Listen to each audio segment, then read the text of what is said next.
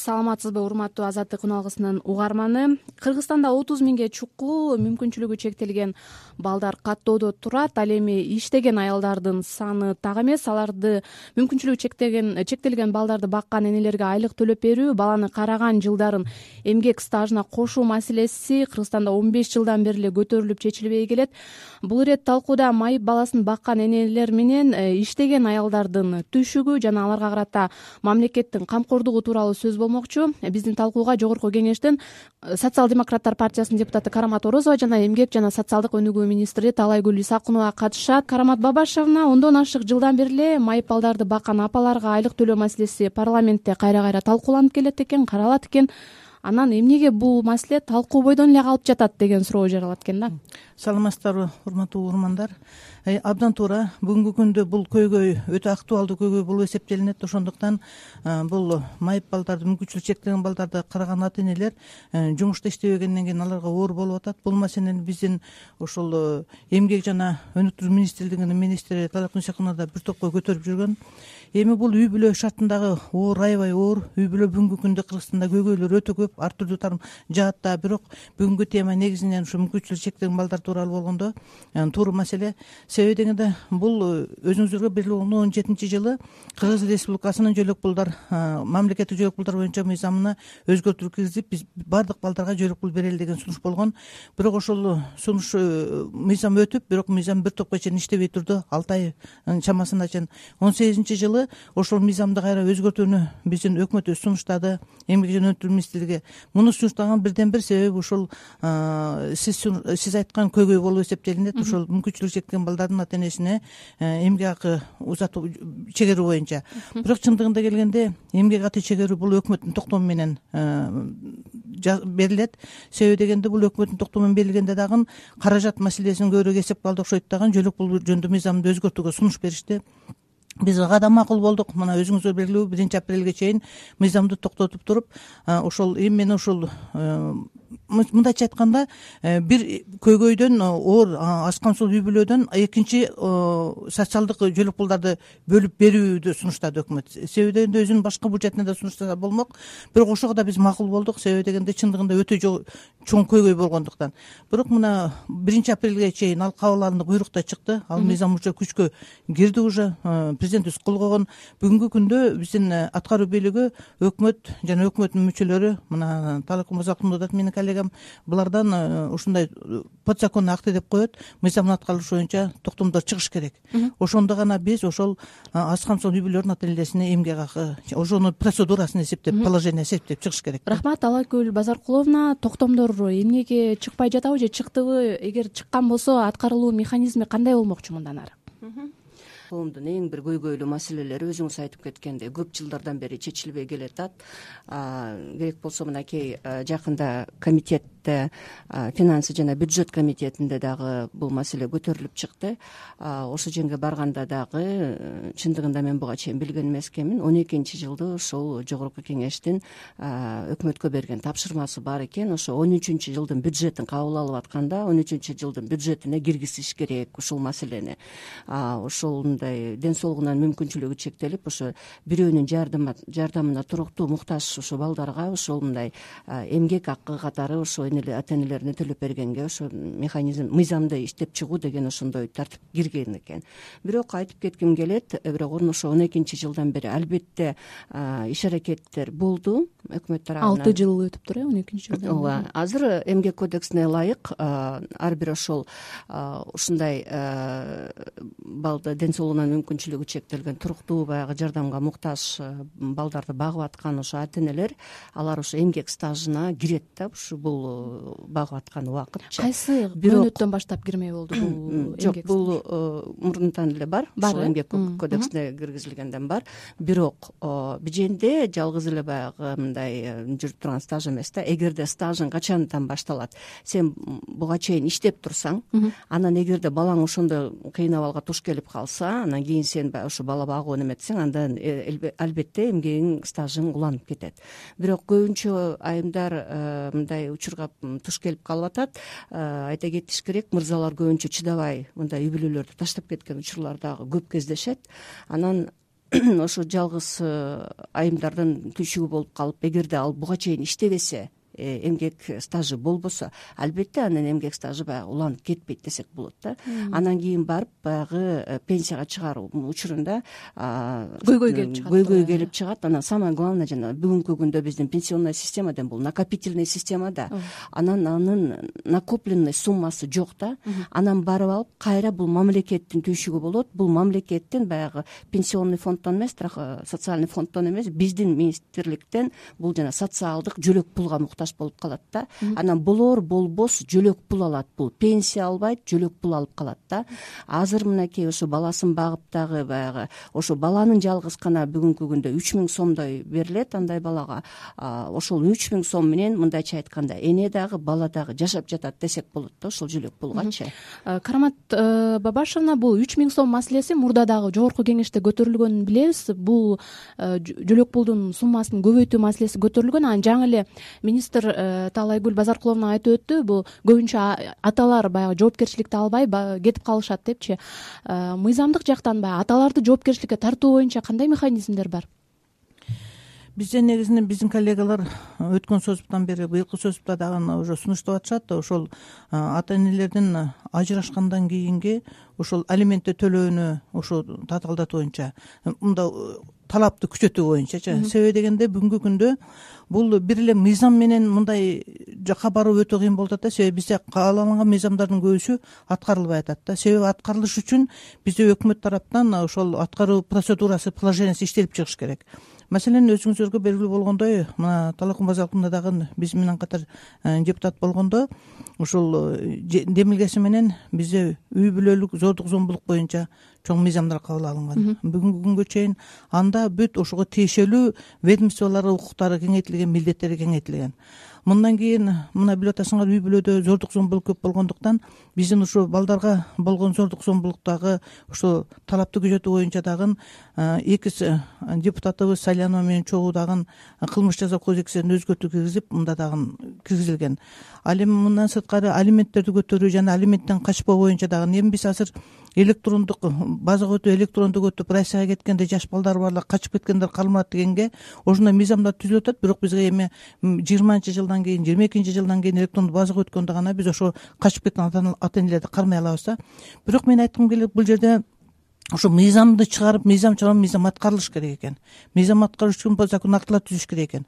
Ал мыйзам аткарганда деле элден сыртка чыгып кеткенден кийин аны кармай алыш өтө кыйын экен ата энелердичи ошондо мен айткым келет бизде дагы ошол негизи үй бүлөнү ушу коргоо жаатында үй бүлө кодекси балдар кодексине өзгөртүү киргизип же болбосо идеологияны күчөтүүдү башкача кылыш керек экен да. Бул мээрим деген ата эненин өзүнүн да өзүндө дагы бир сезим болуш керек экен да. Себеби мыйзам менен андай чыгуу дагы өтө кыйын экен да. Себеби дегенде соттошту дегенде биз кайра бар үй бүлөнүн тарынычы болсо соттошкондон кийин уже ажырап калат экен да.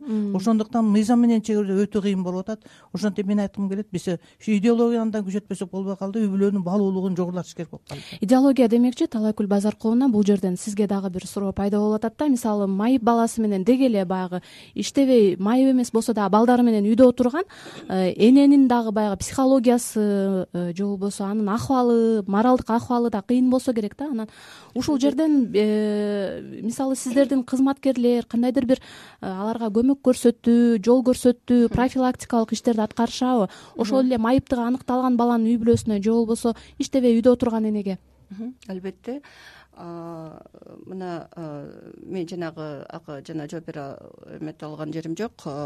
Биринчи эмеден баштайлы эмне мамлекет тарабынан э, аткаруу бийлик тарабынан кылынып атат дегендечи ошо айтпадымбы он экинчи жылдан бери мына көп иш аракеттер кабыл алынды. То есть эмгек кодексине ылайык баягы эмгек стажы жүрүп атат. Бирок э, биз бүгүнкү күндө айтып атабыз бүгүнкү күндө ошол эмгекти реалдуу баалоо ошол чындыгында мамлекет деңгээлинде ошол эмгек көзгө көрүнүп атабы ошондой баланы багып аткан. Чындап айтып кетиш керек жөнөкөй баланы багыш бул эгебейсиз э, жумуш десек болот да. Ал деле баягы бааланбайт э, неме түйшүктү баягы өкмөт тарабынан деле коомчулук тарабынан деле баягы аялдын милдети катары кабыл алынып келет да туурабы. Анан мындай баланы багышты чындыгында баягы коомчулук да баа берет эмгек.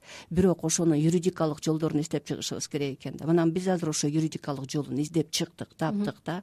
Муну биз баягы ата эне эмес үчүнчү тарап катары үчүнчү тарап дагы аткарса болот деп атабыз да. То есть биз айтып атабыз бүгүнкү күндө мамлекеттин бюджеттик э, баягы тилекке каршы мындай чектелген. Ошон үчүн биз каалагандай мындай бир поддержка бере албайбыз андай үй бүлөгө. Энени жалаң ушул балаңды бак деп антип чектеп кое албайбыз.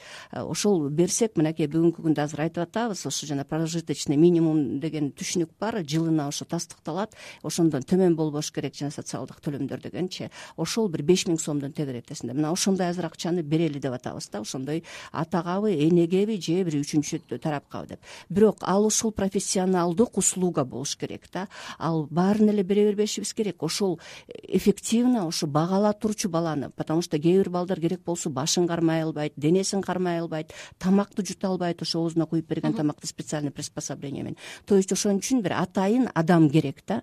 Ал адамды ошентип даярдаш керек. Ошон үчүн биз айтып атабыз ал адам патент алыш керек ал услуга көргөзүш керек. Биз министрлик ошого жардам беребиз ошондой услугалар өнүккөнүнө ар тарап менен жардам беребиз. Но в то же время биз эне эгерде башка кызматка барып жакшыраак айлык таап келем десе сегиз саат бир жака болобу беш саат болобу эки саат болобу бир жака барып иштеп келем десе ага да мүмкүнчүлүк беришибиз керек. В конце концов андай ата эне өзүңүз айткандай бул кандай бааланып атат кандай жардам э, эс алганга да укуктуу туурабы ошондой бала менен жыйырма төрт саат багыш бул. Өтө кыйын. Ошон үчүн жок дегенде врачка барабы э, базарга барып продуктысын алып келеби дегенде ошого мүмкүнчүлүк беришибиз керек да. Ошол убакытта дегендей ошо баланы профессионалдуу түрдө бир специалист караш керек да. Биз ошону айтып атабыз.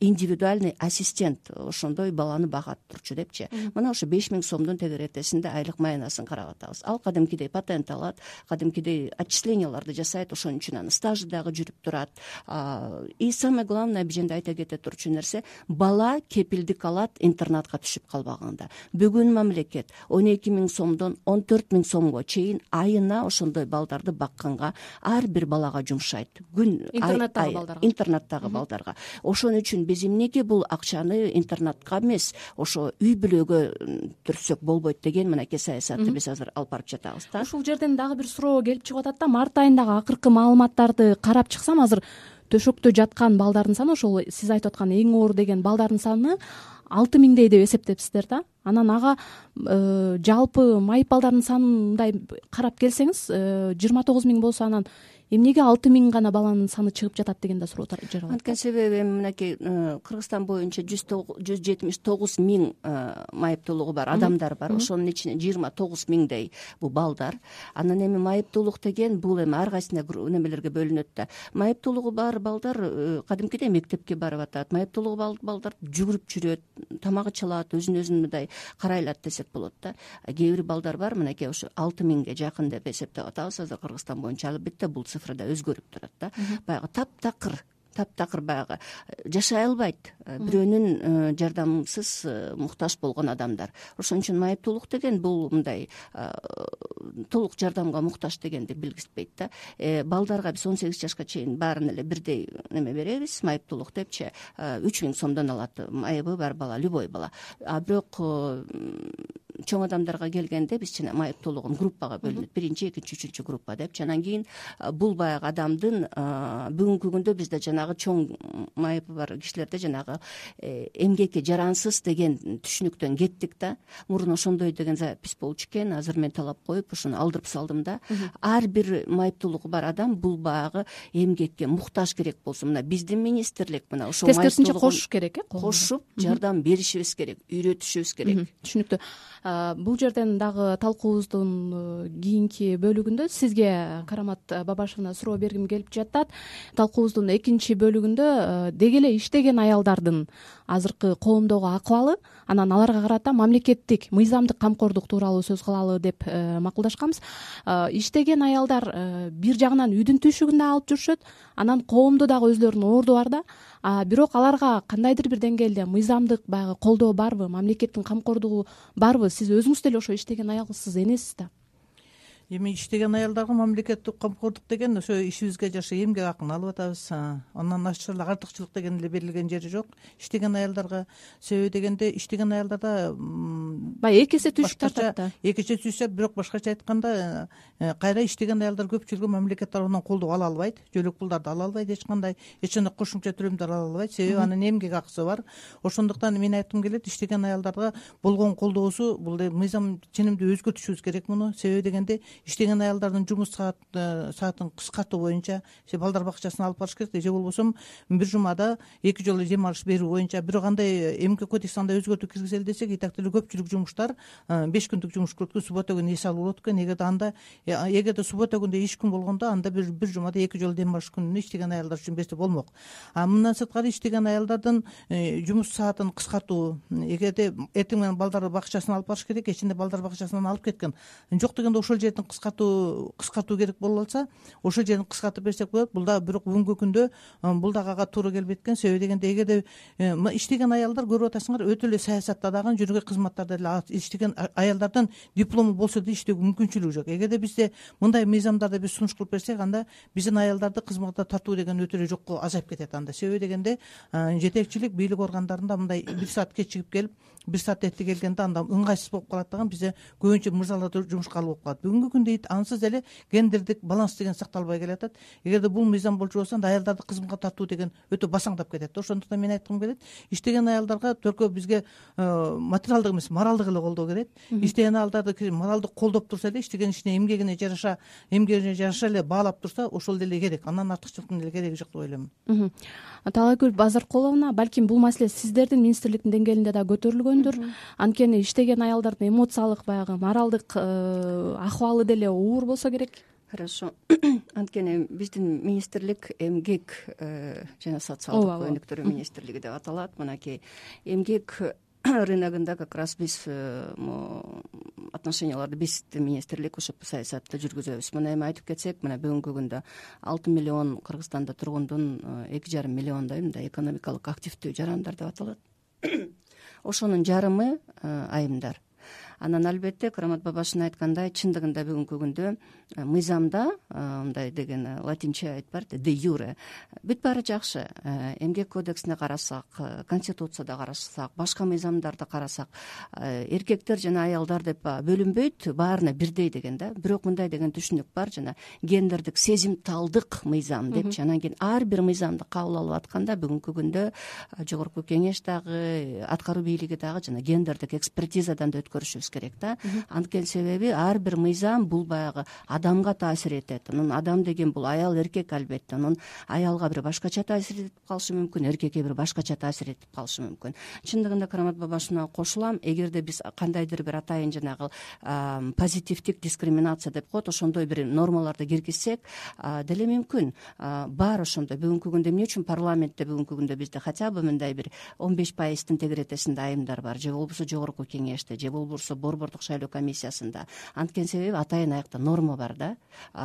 Жанагы партиялардын тизмелерин түзүп атканда бир жыныстын саны жетимиш жетимиш пайыздан ашпаш керек. Же болбосо борбордук шайлоо комиссиянын составында жогорку кеңеште тиги жогорку сотто жана башка соттордо деген да норма бар да. Ошон үчүн гана биз аялдарды аженде аз болсо да эптеп кармап атабыз десек болот да. Анан мамлекеттик кызматкерлердин арасында деле аткаруу бийлигинде карасак бүгүнкү күндө деле болор болбосо эле айымдар бар. Анан бирок мындай орто баягы именно исполнительдердин арасында э, средний звенодо баягы албетте где то бир кырк пайызын элүү пайызын кереги кээ бир жерлерде деген алтымыш жетимиш пайызын дегендей баягы эң түйшүктүү аткаруу кара жумуштун баарын кылган аялдар кара жумуштун аялдар болот. Бирок эми баягы эмгек акысын карап көрсөк албетте баягы э, бүгүнкү күндө мынакей алтымыш э, аялдардын э, эгер общий баягы айлык маянасын алып келсек кыргызстан боюнча бир где то алтымыш бештен бир жетимиш беш пайызга чейин гана түзөт да. Болгон аялдардын айлык маянасы анан бул эмнени айтылат? Ооба мыйзамда баары жакшы. Бирок э, практикага келгенде албетте баягы мындайча айтканда эми баягы кандай айымсың? Министрсиңби депутатсыңбы жөнөкөй кызматкерсиңби үй тазалоочусуңбу сегиз саат иштеп келесиңби он саат иштеп келесиңби мамлекеттик же башка кызматта айлык акы тапкан жерде. Бирок үйгө келгенден кийин албетте үй түйшүгүн башка түйшүктөрдү эч ким мойнуңан алып койгон жери жок десек болот да. Эми ал дагы баягы бааланбай келген нерсе да бүгүнкү күндөчү. Карамат орозовна бааланбай келген нерсе деген жерден дагы суроо жаралат экен да. Мисалы ушул гендердик баягы теңсиздиктен коркконубуз үчүн бул баягы аялдардын укугун коргой албай жатабыз деп атпайсызбы эмнеге э, мындай баягы сапаттуу мыйзам жазганга же болбосо биздин ошо кыргыздын сиз өзүңүз айттыңыз улуттук өзгөчөлүгүбүзгө мындай ыңгайлашкан мыйзам жазганга күчүңүздөр жетпей жатат маселен мындай да биз чындыгында келгенде бизде аябай жакшы мыйзамдарыбыз бар. Конституцияда аял менен эркек тең укуктуу. Тең укуктуу анан кийин экинчиден экинчиден э, бизде дагы мына парламентке келүү үчүн саясий кызматтарга келүү үчүн анда дагы э, мыйзам менен тастыкталган жетимиш пайыздан кем эмес бир жыныстагы деп аткан. Аны болсо бизде чындыгында аял затына гана таңоолап коюп атышат да бул жерде бир жыныстан жетимиш проценттен пайыз отуз проценттен пайыз эмес депчи жогору болуш керек деп. А может жетимиш пайыз аял болуп калышы да мүмкүн бирок албетте бүгүнкү күндө э, бизде чындыгында келгенде кандай ушу э, кандай эмеге таянып ушундай болуп атат билбейм. Өткөндө бизде өкмөттүн отчетун алганбыз өткөн созуптачы. Именно ушул мыйзамдын аткарылышы боюнча гендердик э, теңчилик боюнча алганда өкмөттүн саясий бийликтерде мындайча айтканда назарат эткен бийликтерде да конкурс менен эмес бийликтерде бизде эч кандай даже отуз пайызы да түзбөйт экен. он үч он эки пайызы гана түзөт экен. Ошол аткаруу бийлигиндечи. Ошондо суроо эмне үчүн ушул мыйзамды аткарбай атасыңар дегенде биздин өкмөттүн орун басары мынтип жооп берип атпайбы? Биз э, ушул аялдарды тартканда аялдардын кесипкөйлүгүнө карап атабыз аялдардын өзүнүн билим деңгээлине карап атабыз аялдардын мүмкүнчүлүгүнө карап атабыз. Себеби дегенде бул саясий кызматтарда көп нерсени талап кылат экен аялдардын ага мүмкүнчүлүгү жок экен деген мааниде айтып атышат да. Аял заты эмне үчүн алсыз болуп эсептелет аял заты алсыз болуп эсептелинбейт аял заты эркек менен барабар ишти тартып кете алат баардыгына бара алат. Бирок мындай айтканда мырзалар менен иштешкенге кичине ыңгайсызыраакпы деп ойлоймун да өзүмчөчү ошондуктан көпчүлүк жерлерде даже керек болчу болсо азыр жергиликтүү өз алдынча башкаруу органдарында областтык деңгээлде райондук деңгээлде көпчүлүк мамлекеттик администрациялардын орун басарларын социалдык э, тармак боюнча орун басарларын уже аялдардан эркектерге өтө баштады. Уже эркектер иштейт аялдар иштебейт деген сөз да ошондуктан мен айткым келет бул жакта именно ушу гендердик баланс бул боюнча дагы чындыгында энди талака базалкулованын өзүнүн эмесине карайт министрлигине карайт. Бул боюнча бизде үй бүлө жана гендер деген мурда аябай жакшы структурабыз бар болчу. Ошол дагы региондордо жоюлуп кетти. Ошондуктан мен көбүнчө көп эле биз палатада көтөргөндө бир эле мен эмес эл өкүлдөрдүн көпчүлүгү көтөргөндө биз айтып атабыз бул үй бүлөнү коргоо жана аялды коргоо же болбосо гендердик теңчилик боюнча отдельный структурага бир орган болуп кирбесе болбойт экен. Себеби дегенде азыр эмгек жана өнүктүрүү министрлигинде болгондо бир эле штат бар бул боюнча иштей турган туурабы сизде? Отдел бар бир эле отдел бар дегенде а бул өзүнчө болбогондо бизде ушул жааттагы мыйзамдарды иштеп чыгуу бизде мыйзамды негизинен өзү аткаруу бийлигинен бизге сунушташ керек. Анан кийин биз депутаттар аны колдоп беришибиз керек. Эгерде биз сунуш жасаган ошондуктан бул жаатта э, бизде ошо именно ушул көйгөй менен иштей турган бизде отдельный структуранын органынын жоктугунан дагы наксап атабызбы деймин да. Анан талкуубуздун соңунда талайкүл базаркуловна ошол майып баласын баккан же болбосо деги эле балдарын баккан энелерге эмне деп айтат элеңиз майып баласын баккан энеге биринчи кезекте. Канчага чейин чыдаңыз күтүңүз деп айтат белеңиз былтыр э, как раз ушул энелер күнүндө биз дагы ошондой инициатива менен чыгып биздин министрликке ушу бишкек шаарында ошо ушундай энелердин баарын чогултканбыз да. Ошондой өзгөчө эмгек кылып аткан энелерди ушундай ден соолугунан мүмкүнчүлүгү чектелген ошо жыйырма төрт саат жардам бирөөнүн жардамына муктаж э, балдарды багып аткан энелердин баарын чогултуп биз колубуздан келишинче гүл берип дегендей мындай кичине чай уюштуруп анан болгон министрликтин грамотасын берип баягы былтыр ушундай кылганбыз да анан кийин мен ойлодум эле ошо былтыртан бери баягы быйылга чейин ошо ошол чечилип калат го депчи. э анан бирок э, чындыгында эле баягы акча каражатка келип эле такалып атабыз да. Мынакей биз мынакей э, кармат бабашевдин айткандай аябай талкуулар болуп отуруп жанагы жөлөк пул маселесин араң чечтик. Мына ошо он жылдардан бери ашыктан бери бул суроо көтөрүлүп келди эле жанагы доходту үй бүлөнүн доходун эсептегенде ошо жана пенсияны алып салуу маселеси. Мына аны дагы алып салдык. Буюрса мынакей бүгүнкү күндө бюджеттен ага дагы миллиард сегиз жүз э, сом талап кылынып атат. Анан эгерде мына моуеки майып балдарды азыр багып аткан айымдарга энелерге же болбосо деги эле үчүнчү тарапка эмгек акы төлөп бере турган болсок буга дагы бир төрт жүз миллион сомдун тегеретесинде талап кылынып атат. Анан кийин азыр өкмөт издеп атат бул акчаны. Буюрса эгерде он сегизинчи жылы болбой калат эми бирок он тогузунчу жылдын бюджетине киргизгенге толук аракеттерди кылып атабыз. А нормалар уже иштеп чыгылды коомдук болду. Чоң рахмат. Урматтуу азаттык үн алгысынын угарманы бүгүн биз талкууда кыргызстандагы отуз миңге чукул мүмкүнчүлүгү чектелген балдардын энелеринин түшүгү жана аларга карата мамлекеттин камкордугу деги эле иштеген энелерге карата мамлекеттин камкордугу тууралуу сөз кылдык. Талкууга жогорку кеңештин социал демократтар партиясынын депутаты карамат орозова жана эмгек жана социалдык өнүктүрүү министри таалайгүл исакунова катышты. Талкууну болсо мен бактыгүл чыныбаева алып бардым. Саламатта туруңуз